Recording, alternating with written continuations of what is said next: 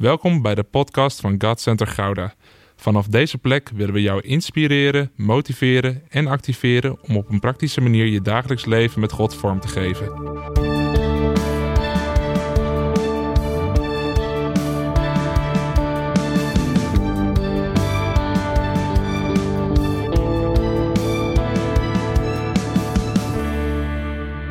Hey, wat mooi dat jij weer verbonden bent. Welkom of welkom terug bij de podcast van God Center Gouda. En dit is een plek waar we je willen toerusten vanuit het woord en de praktijk van het leven. We vinden jou belangrijk en daarom willen we investeren in jou. We zijn al een tijdje bezig met een mooie serie over de Heilige Geest. We hebben gekeken naar wie de Heilige Geest is, hoe we met hem kunnen leven en naar de vrucht van de Geest. En dat was een interessant onderwerp en tegelijkertijd ook heel praktisch. Want daar hebben we elke dag mee te maken. En dit keer gaan we kijken naar de gaven van de geest. Want die zijn ook belangrijk voor het christenleven en het koninkrijk van God. Want we moeten beseffen dat het koninkrijk van God bestaat uit het bovennatuurlijke. Want dat is namelijk de natuur van God. En het bovennatuurlijke is behorend tot de orde van dingen die buiten het bereik van de menselijke zintuigen ligt. En alles wat Jezus in zijn leven deed was eigenlijk bovennatuurlijk. En misschien denk je dan, ja maar Jeroen, dat was Jezus. Dat is niet voor mij weggelegd.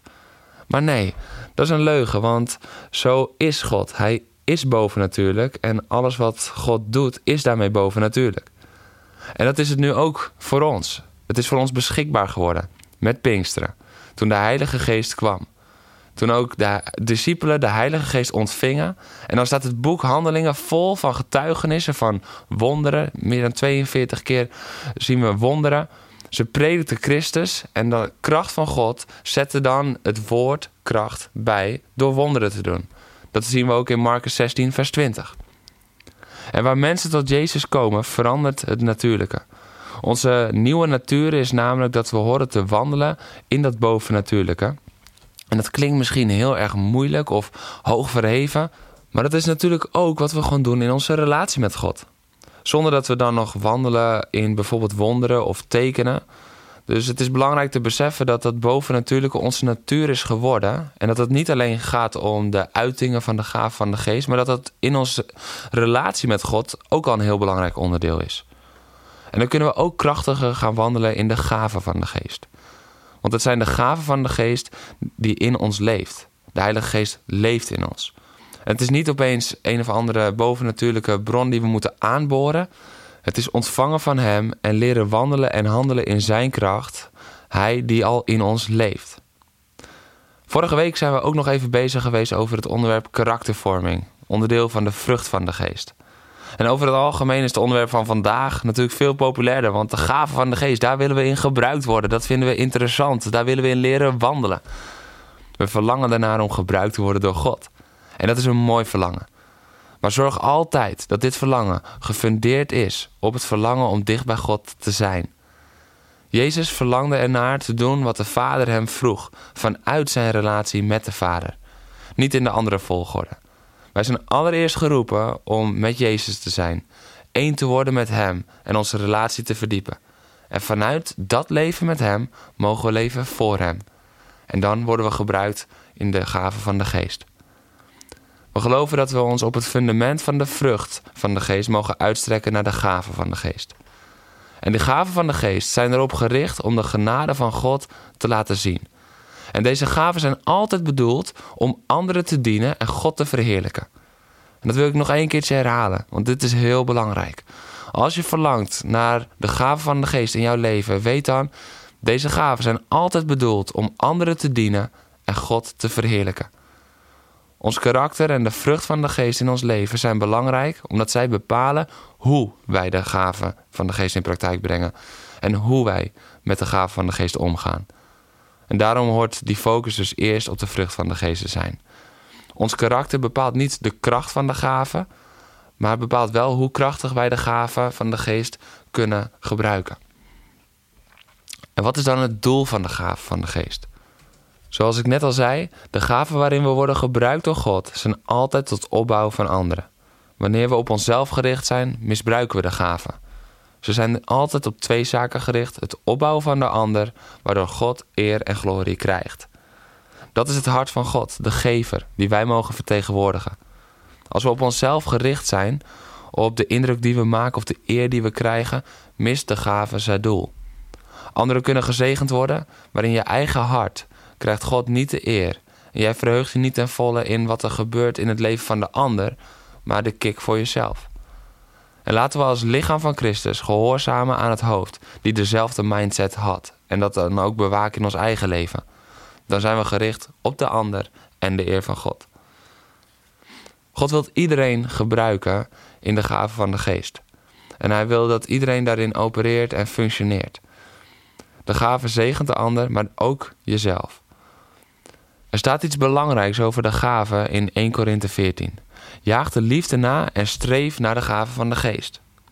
En de Statenvertaling zegt daar: ijvert om de geestelijke gave. We moeten dus streven, ijveren. Je best doen, inspannen voor. Met ijver en kracht voortgaan. Dat zijn allemaal betekenissen van die woorden. En we mogen dus een sterk verlangen hebben om ons uit te strekken naar de gaven. Hierin te leren, te herkennen, leren uitstappen, kennis over krijgen. En om er gebruikt in te worden. Uit te stappen en Gods kracht te zien bewegen.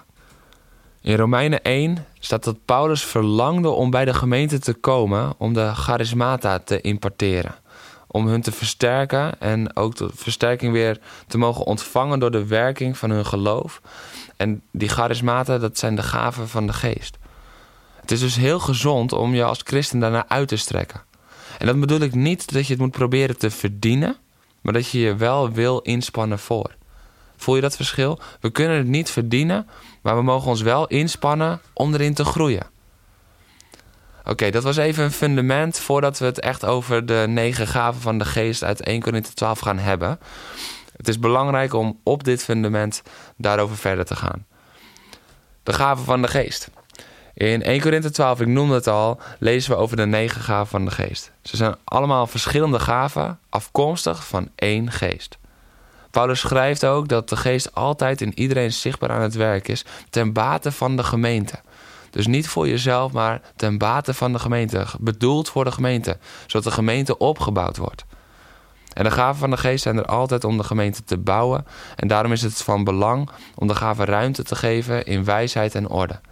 Want wanneer dit ontbreekt, zal de gemeente niet opbouwen, maar zal het in verwarring brengen. De andere kant is dat we ook niet in angst moeten leven. We hebben geen geest van angst gekregen. Bij de Heilige Geest is geen angst te ontdekken. Omdat we ons moeten leren overgeven aan de geest, waar we het een paar podcasts eerder over hebben gehad, dat water stap voor stap, en in de rivier moeten leren zwemmen, is het soms spannend om de gaven ja, in praktijk te gaan brengen, om daarin te gaan stappen. En in te veel gemeenten zien we dat de geest het zwijgen wordt opgelegd omdat er negatieve ervaringen zijn of angst. Want die ervaringen zijn natuurlijk mensenwerk geweest, want de geest stelt niet teleur. We staan voor wijsheid en het toetsen van de ervaringen aan het woord van God. De geest spreekt het woord nooit tegen. Hij bevestigt en bekrachtigt het woord. Dit is wat hij in de Bijbel al deed. En overal waar de apostelen gingen, werden hun woorden kracht bijgezet door wonderen en tekenen. Marcus 16, Handelingen 2 zien we dat gebeuren. We geloven dat de gaven van de geest een onmisbaar deel vormen van een levende kerk. Ze blazen ontzag voor God in de gemeente en werken honger naar ervaring met God uit in de mensen. En het is goed om ons er dus naar uit te strekken, naar het vloeien van de gaven van de geest in de gemeente en in onze levens. Laten we met elkaar lezen in 1 Korinthe 12. Er zijn verschillende gaven, maar er is één geest. Er zijn verschillende dienende taken, maar er is één Heer. Er zijn verschillende uitingen van bijzondere kracht, maar er is één God die ze allemaal bij iedereen teweeg brengt. In ieder is de geest zichtbaar aan het werk, ten bate van de gemeente. Aan de een wordt door de geest het verkondigen van wijsheid geschonken, aan de ander door diezelfde geest het overdragen van kennis. De een ontvangt de geest van groot geloof, de ander om de gave om te genezen. En weer een ander de kracht om wonderen te verrichten, om te profiteren, om te onderscheiden wat wel en niet van de geest afkomstig is, om in klanktaal te spreken of om uit te leggen wat de betekenis daarvan is. Al deze gaven worden geschonken door één en dezelfde geest, die aan ieder afzonderlijk toebedeelt wat hij wilt. 1 Korinthe 12.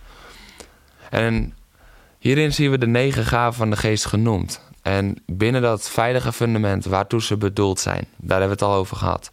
We willen nu goed kijken naar alle negen gaven. En daarom pakken we vandaag de eerste drie en gaan we volgende week verder met de laatste zes. Want deze negen zijn te veel om in één podcast te behandelen. De negen gaven zijn te verdelen in drie groepen van drie. Drie openbaringsgaven, drie krachtgaven en drie inspiratiegaven. En deze keer willen we kijken naar die eerste groep, de openbaringsgaven. De eerste daarvan is een woord van wijsheid.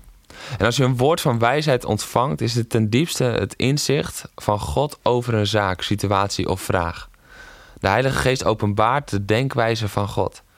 Het is niet een antwoord of gedachte die op het moment pas komt, maar het is eigenlijk een gedachte die God al die tijd al heeft en die Hij nu openbaart aan jou. Woorden van wijsheid ontvangen we van God. Het is geen eigen inzicht of diepe gedachtegang van een mens. Het is een van God ontvangen wijsheid waarmee we in een huidige of toekomstige situatie iets anders gaan zien en daardoor het anders kunnen benaderen. Plotseling weet je iets wat je met je natuurlijke verstand niet kon weten. De Heilige Geest laat het je weten, voelen of zien. We zien hier ook voorbeelden van. Jezus die bij de Samaritaanse vrouw komt in Johannes 4 en hij weet over haar verleden. Hij weet over de verschillende mannen die ze heeft gehad. Dat kon hij natuurlijk gezien niet weten, maar het is een bovennatuurlijke openbaring. Of Elisa in 2 Koningen 6. Hij zag al in de geest wat, God aan het doen was, waardoor hij de situatie anders durfde aan te pakken. Een woord van wijsheid is vaak gekoppeld aan een oplossing in een nood. En het tweede is woorden van kennis. Dit gaat over zaken die we in het natuurlijke nooit hadden kunnen weten, maar wat geopenbaard wordt. We zien het in het leven van Jezus dat hij woorden van kennis ontving. Marcus 2 is een voorbeeld, Matthäus 12. En ook bij de apostelen Paulus en Petrus zien we de woorden van kennis in de praktijk. Handelingen 14, Lucas 9. Voor deze openbaringen geldt eigenlijk hetzelfde als de woorden van wijsheid. Ze worden altijd gegeven om verandering te brengen. Er vindt openbaring plaats, de ontvanger moet het delen, waardoor er verandering plaats gaat vinden. En het is goed om te beseffen dat de woorden van God nooit zomaar gegeven worden. Hij heeft altijd een doel met een openbaring. Wanneer er geen vrucht zichtbaar wordt, handelen we niet naar de openbaring of is er geen sprake van een woord van kennis geweest. En in deze eerste twee zien we ook hoe belangrijk het is dat we gevormd zijn en een zuiver karakter hebben. Zowel bij de woorden van wijsheid als de woorden van kennis gaat het om verandering brengen, maar bovenal om de mensenlevens waar het om gaat. Dus daar moeten we zorgvuldig mee omgaan. Soms ontvang je woorden of oplossingen die je niet zomaar kan schreeuwen, maar in wijsheid moet brengen. In de gemeente strekken we ons uit naar deze gaven en helpen we om wijsheid te communiceren. Want God openbaart met een reden, maar die reden is niet altijd dat het gelijk gedeeld of van de daken geschreeuwd moet worden.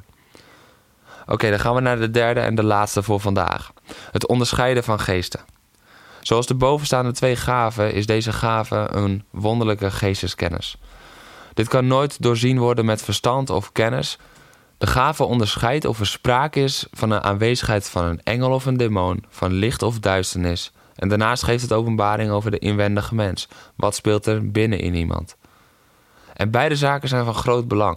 Zowel wat er speelt in de mens om je te bewaren voor verkeerde invloeden, hoe onschuldig dingen ook kunnen lijken. Het is van groot belang dat we inzicht hebben in de drijfveer en diepere bedoelingen van de mensen.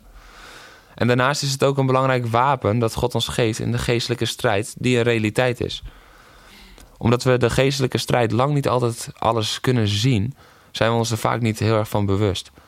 Maar de realiteit van engelen en demonen is ontzettend belangrijk. En dan is onderscheiding van de bron van zaken van essentieel belang.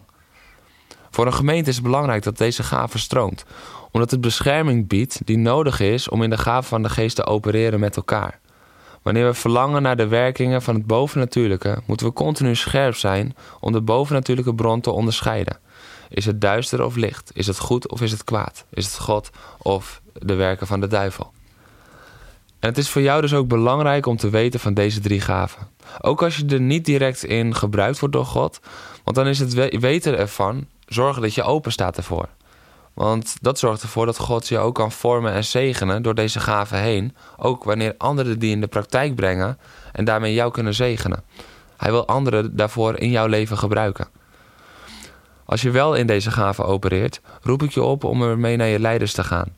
Want zij kunnen je goed helpen en inspireren om er verder in te groeien. Daarnaast kunnen ze je helpen om in een stukje wijsheid ermee om te gaan Ze kunnen je helpen bij vragen als: wat is wijs om te delen? Wat is niet wijs om te delen? Wanneer moet je naar iemand toe gaan en wanneer niet? En wat deel ik met mijn leiders en wat niet? Dan kunnen ze je mee helpen. Dus het is goed om mensen daarbij te betrekken.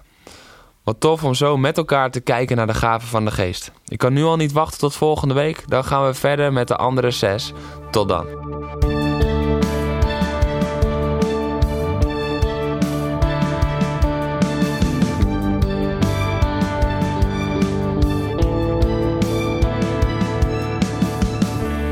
Bedankt voor het luisteren naar deze podcast. Volg ons op onze kanalen om verbonden te blijven. Heeft deze aflevering jou geraakt? Deel dan op je socials en tag ons, zodat we samen meer mensen kunnen bereiken.